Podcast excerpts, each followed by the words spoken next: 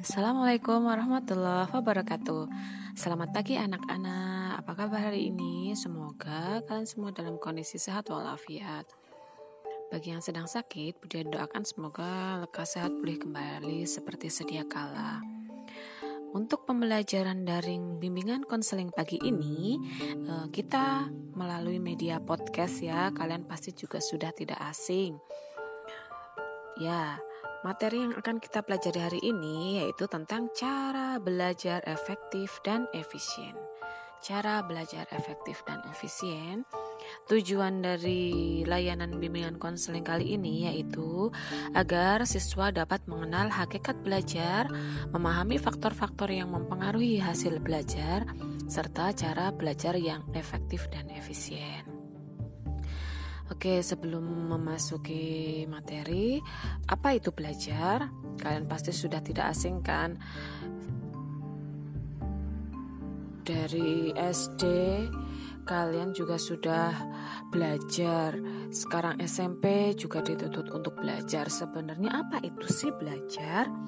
Nah, belajar itu merupakan suatu proses ya anak-anak Suatu proses karena perubahan tingkah laku yang terjadi melalui suatu tahapan-tahapan yang pada akhirnya menjadi suatu hasil belajar. Jadi belajar itu suatu proses. Misalnya kita mau pinter, ya kita nggak bisa hanya belajar dalam misalnya satu malam itu harus berproses ya. Contohnya saja misalnya ada anak bayi sedang mau belajar berjalan pasti dia akan pakai proses merangkak dulu lalu belajar jalan dititah sama orang tua. Kalian mungkin yang punya adik juga paham ya. Jadi di sini Budian hanya menekankan bahwa belajar itu adalah suatu proses. Jadi selama nafas kalian masih ada, jangan berhenti untuk berproses, jangan berhenti untuk belajar. Belajar itu tidak melulu tentang akademik. Belajar tentang kehidupan itu juga merupakan proses. Belajar dalam bersosial ya, dalam berkeluarga itu juga semuanya merupakan proses. Demikian juga kalau kalian ingin mengetahui, dapat serta memahami sesuatu yang baik, maka juga harus melalui proses yang disebut proses belajar. Lalu, faktor-faktor apa sih yang mempengaruhi hasil belajar? Faktornya ada dua sebenarnya ya, faktor dari internal dan faktor dari eksternal yang merupakan faktor mempengaruhi hasil belajar dari internal itu ada enam. Yang pertama fisik, yang kedua psikis, yang ketiga adanya kemauan atau niat, yang keempat kecerdasan, yang kelima minat, dan yang keenam motivasi. Kita bahas satu persatu ya. Apa itu mm, kondisi internal yang mempengaruhi hasil belajar? Kenapa disebut fisik Kalian pasti sudah paham ya, fisik itu secara umum adalah kondisi seseorang apabila dikatakan sehat, maka juga akan mempengaruhi aktivitas dan hasil belajarnya. Misalnya ya, kalau kalian kondisi sakit secara tiba-tiba, sakit kepala lah, sakit perut lah, sakit atau misalnya harus operasi uh, apa kecelakaan. Nah itu kan akan mempengaruhi uh, proses belajar kalian ya secara fisik. Jadi uh, untuk belajar juga dibutuhkan fisik yang sehat. Lalu, yang kedua, kondisi internal yang mempengaruhi faktor belajar itu adalah psikis atau kejiwaan. Maksudnya, apabila kondisi kejiwaan seseorang dalam belajar kurang stabil, maka akan mempengaruhi aktivitas belajar dan hasil belajarnya. Misal ada siswa belajar diliputi rasa takut, rasa cemas, ataupun punya konflik-konflik batin, atau rasa kecewa, atau pokoknya pikirannya lagi banyak lah. Pasti kalian juga nggak fokus kan dalam belajar.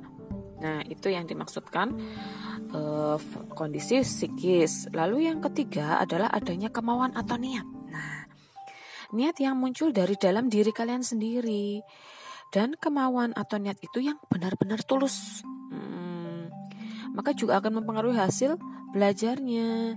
Jadi tidak karena terpaksa gitu ya. Misalnya nih Siswa niat belajar dengan sungguh-sungguh karena belajar maupun sekolah itu merupakan suatu kebutuhan untuk diri sendiri untuk apa? Mencapai masa depan yang gemilang. Jadi kalian menumbuhkan dalam diri kalian bahwa kalian belajar, kalian sekolah itu untuk diri kalian sendiri. Begitu ya. Jadi kalian harus menanamkan atau meniatkan dalam diri bahwa saya harus menjadi orang sukses dan berhasil dalam sekolah dan karir. Itu harus didoktrin dalam diri kalian. Saya tidak boleh bermalas-malasan dalam hidup ini. Saya harus bekerja keras. Ya, itu harus ditanamkan dari sekarang. Faktor internal yang selanjutnya atau yang keempat adalah kecerdasan. Kenapa? Kecerdasan atau IQ itu ini juga sangat mempengaruhi aktivitas dan hasil belajar seseorang ya anak-anak. Loh, kenapa Bu Guru?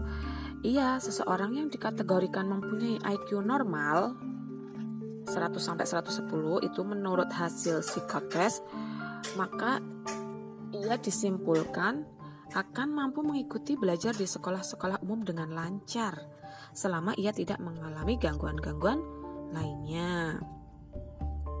Demikian juga apabila seseorang mempunyai kecerdasan di bawah normal tentunya akan mempengaruhi aktivitas dan hasil belajar di sekolahnya jika dibanding dengan seseorang yang kecerdasannya normal. Ya maaf-maaf nih misalnya ada nih kita uh, lihat teman kita kok kayaknya dia tuh ibaratnya apa ya kalau mau masuk pelajaran itu susah banget atau kalian misalnya ah kamu lemot gitu aja nggak mudeng. Nah kadang kan ada beberapa mesti ngomong kayak gitu kan. Itu termasuk IQ IQ juga berpengaruh ya. Jadi ya kalian bersadar diri misalnya oh aku kayaknya nggak modelnya nggak gampang mudengan nih. Jadi aku harus belajar lebih keras dari teman-temanku yang mungkin peringkat satu di kelas seperti itu. Atau mungkin ah aku belajar sama temanku yang pintar itu ah biar aku juga lebih paham dengan materi yang diberikan bu guru itu ya. Itu juga berpengaruh kecerdasan. Faktor internal yang lainnya adalah minat. Nah terkadang minat itu juga berpengaruh ya. Minat itu e, menentukan aktivitas dan hasil belajar seseorang. Minat yang itu tertarik pada e, objek tertentu Bila seseorang belajar sudah tidak mempunyai rasa ketertarikan yang kuat terhadap objek yang dipelajari, tentunya aktivitas dan hasil belajar yang dicapai juga tidak optimal begitu ya. Contohnya kalian minat terhadap matematika itu rendah, ah susah matematika itu susah dipahami, aku nggak mudeng gitu.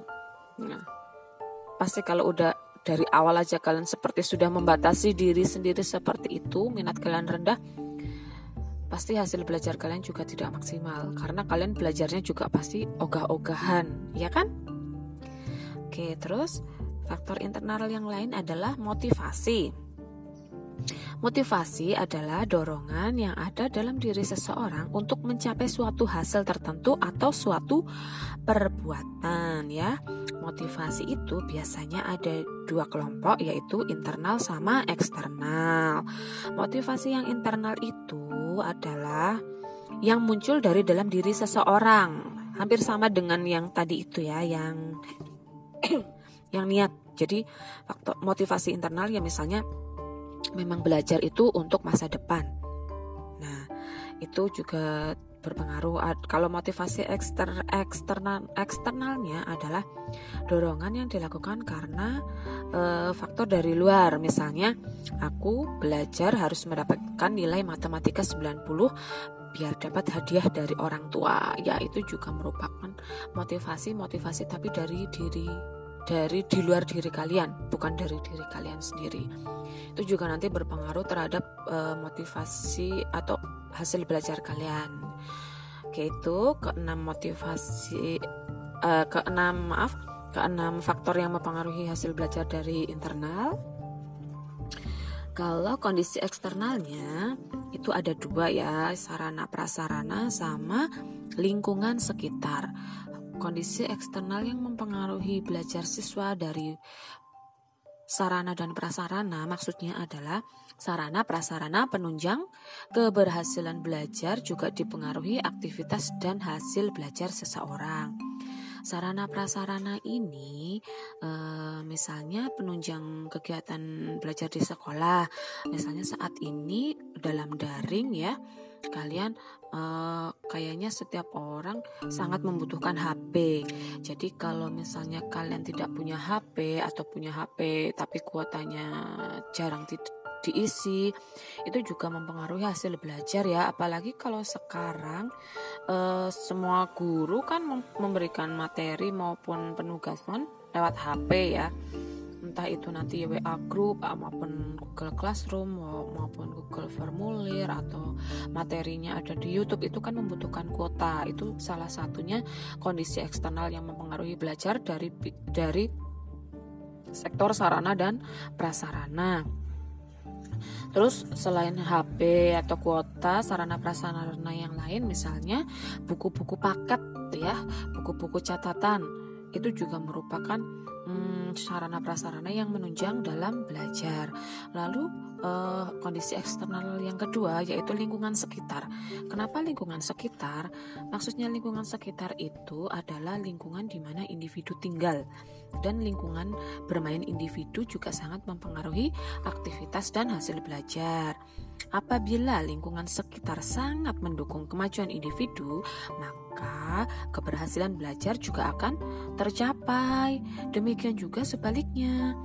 Kalau lingkungan atau faktor uh, lingkungan sekitarnya tidak mendukung kalian ya ya kalian belajarnya juga pasti males-malesan. Misalnya uh, faktor lingkungan di keluarga juga bisa berpengaruh. Bagaimana misalnya keluarga yang yang mempunyai orang tua yang misalnya memperhatikan sekolahmu atau yang nggak memperhatikan itu juga nanti bisa berpengaruh kepada uh, hasil belajar. Karena mau nggak mau itu juga menjadi apa ya uh, suatu pakem apa ya namanya motivasi juga kalau misalnya diperhatiin uh, ada yang mengingatkan buat belajar itu juga mempengaruhi uh, belajar kalian. Oke okay. itu kondisi internal dan eksternal. Lalu apa sih hal-hal yang mendukung uh, belajar menjadi efektif itu? Nah, yang pertama adalah belajar mandiri yang kedua media belajar, dan yang ketiga strategi atau cara belajar ya. Yang pertama, belajar mandiri yaitu konsep pembelajaran atas inisiatif sendiri, bukan belajar sendiri. Kedua hal itu sangat berbeda artinya. Yang benar adalah belajar atas inisiatif diri sendiri, karena dengan begitu kita kita akan merasa teringat akan hal-hal yang dipelajari karena kita memang tertarik pada hal tersebut. Belajar mandiri juga sekarang kalian sudah melakukan ya pembelajaran daring ini kalian lebih ke belajar mandiri karena e, minimalnya guru mengajar di kelas. Jadi kalian pun harus aktif sendiri, mencari informasi sendiri ya. Jadi jangan menjadi siswa yang pasif kalau memang tidak paham ya bertanya begitu ya. Lalu yang kedua, cara agar belajar efektif adalah media belajar. Media belajar adalah sebuah sarana kita yang akan membantu kita dalam belajar karena kita tinggal membaca dari media itu sehingga kita sudah tinggal memahami hal tersebut. Misalnya hmm, bentuk sumber belajar atau media belajar adalah misalnya buku paket atau eh, link-link uh, dari uh, YouTube maupun uh, yang lain yang guru berikan kepada kita itu juga media kita belajar. Misalnya kalau Budian sendiri sering mengeser uh, link di YouTube untuk materi, jadi harapan Budian dengan Budian memberikan materi langsung kepada kalian seperti itu, walaupun kalian hanya melihatnya lewat YouTube, tapi Budian harap itu akan memberikan pemahaman yang lebih daripada kalian hanya Budian sajikan. Misalnya uh, sebuah artikel di Microsoft Word terus kalian baca sendiri. Setelah itu uh, kalian mengerjakan penugasan itu uh, kalau menurut Budian sih bisa lebih efektif menggunakan video pembelajaran. Lalu yang ketiga untuk belajar efektif adalah strategi atau cara belajar. Ya, strategi belajar efektif sangat penting untuk mencapai prestasi belajar yang diinginkan. Lalu eh, bagaimana sih strategi atau cara belajar yang efektif dan efisien itu? Ini ada ada 10 ya.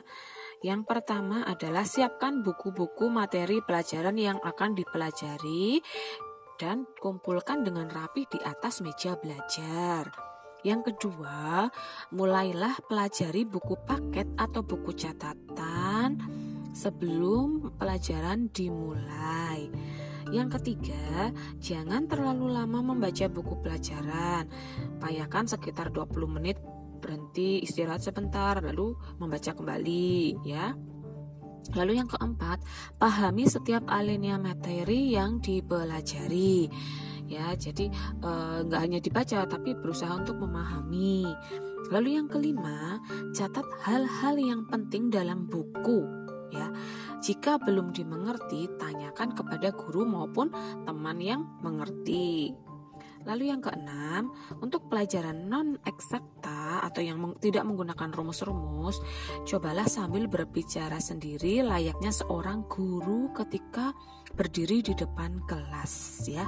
Hal itu untuk menguji berapa persen Anda menguasai materi yang baru dipelajari, misalnya hafalan tentang IPS ya.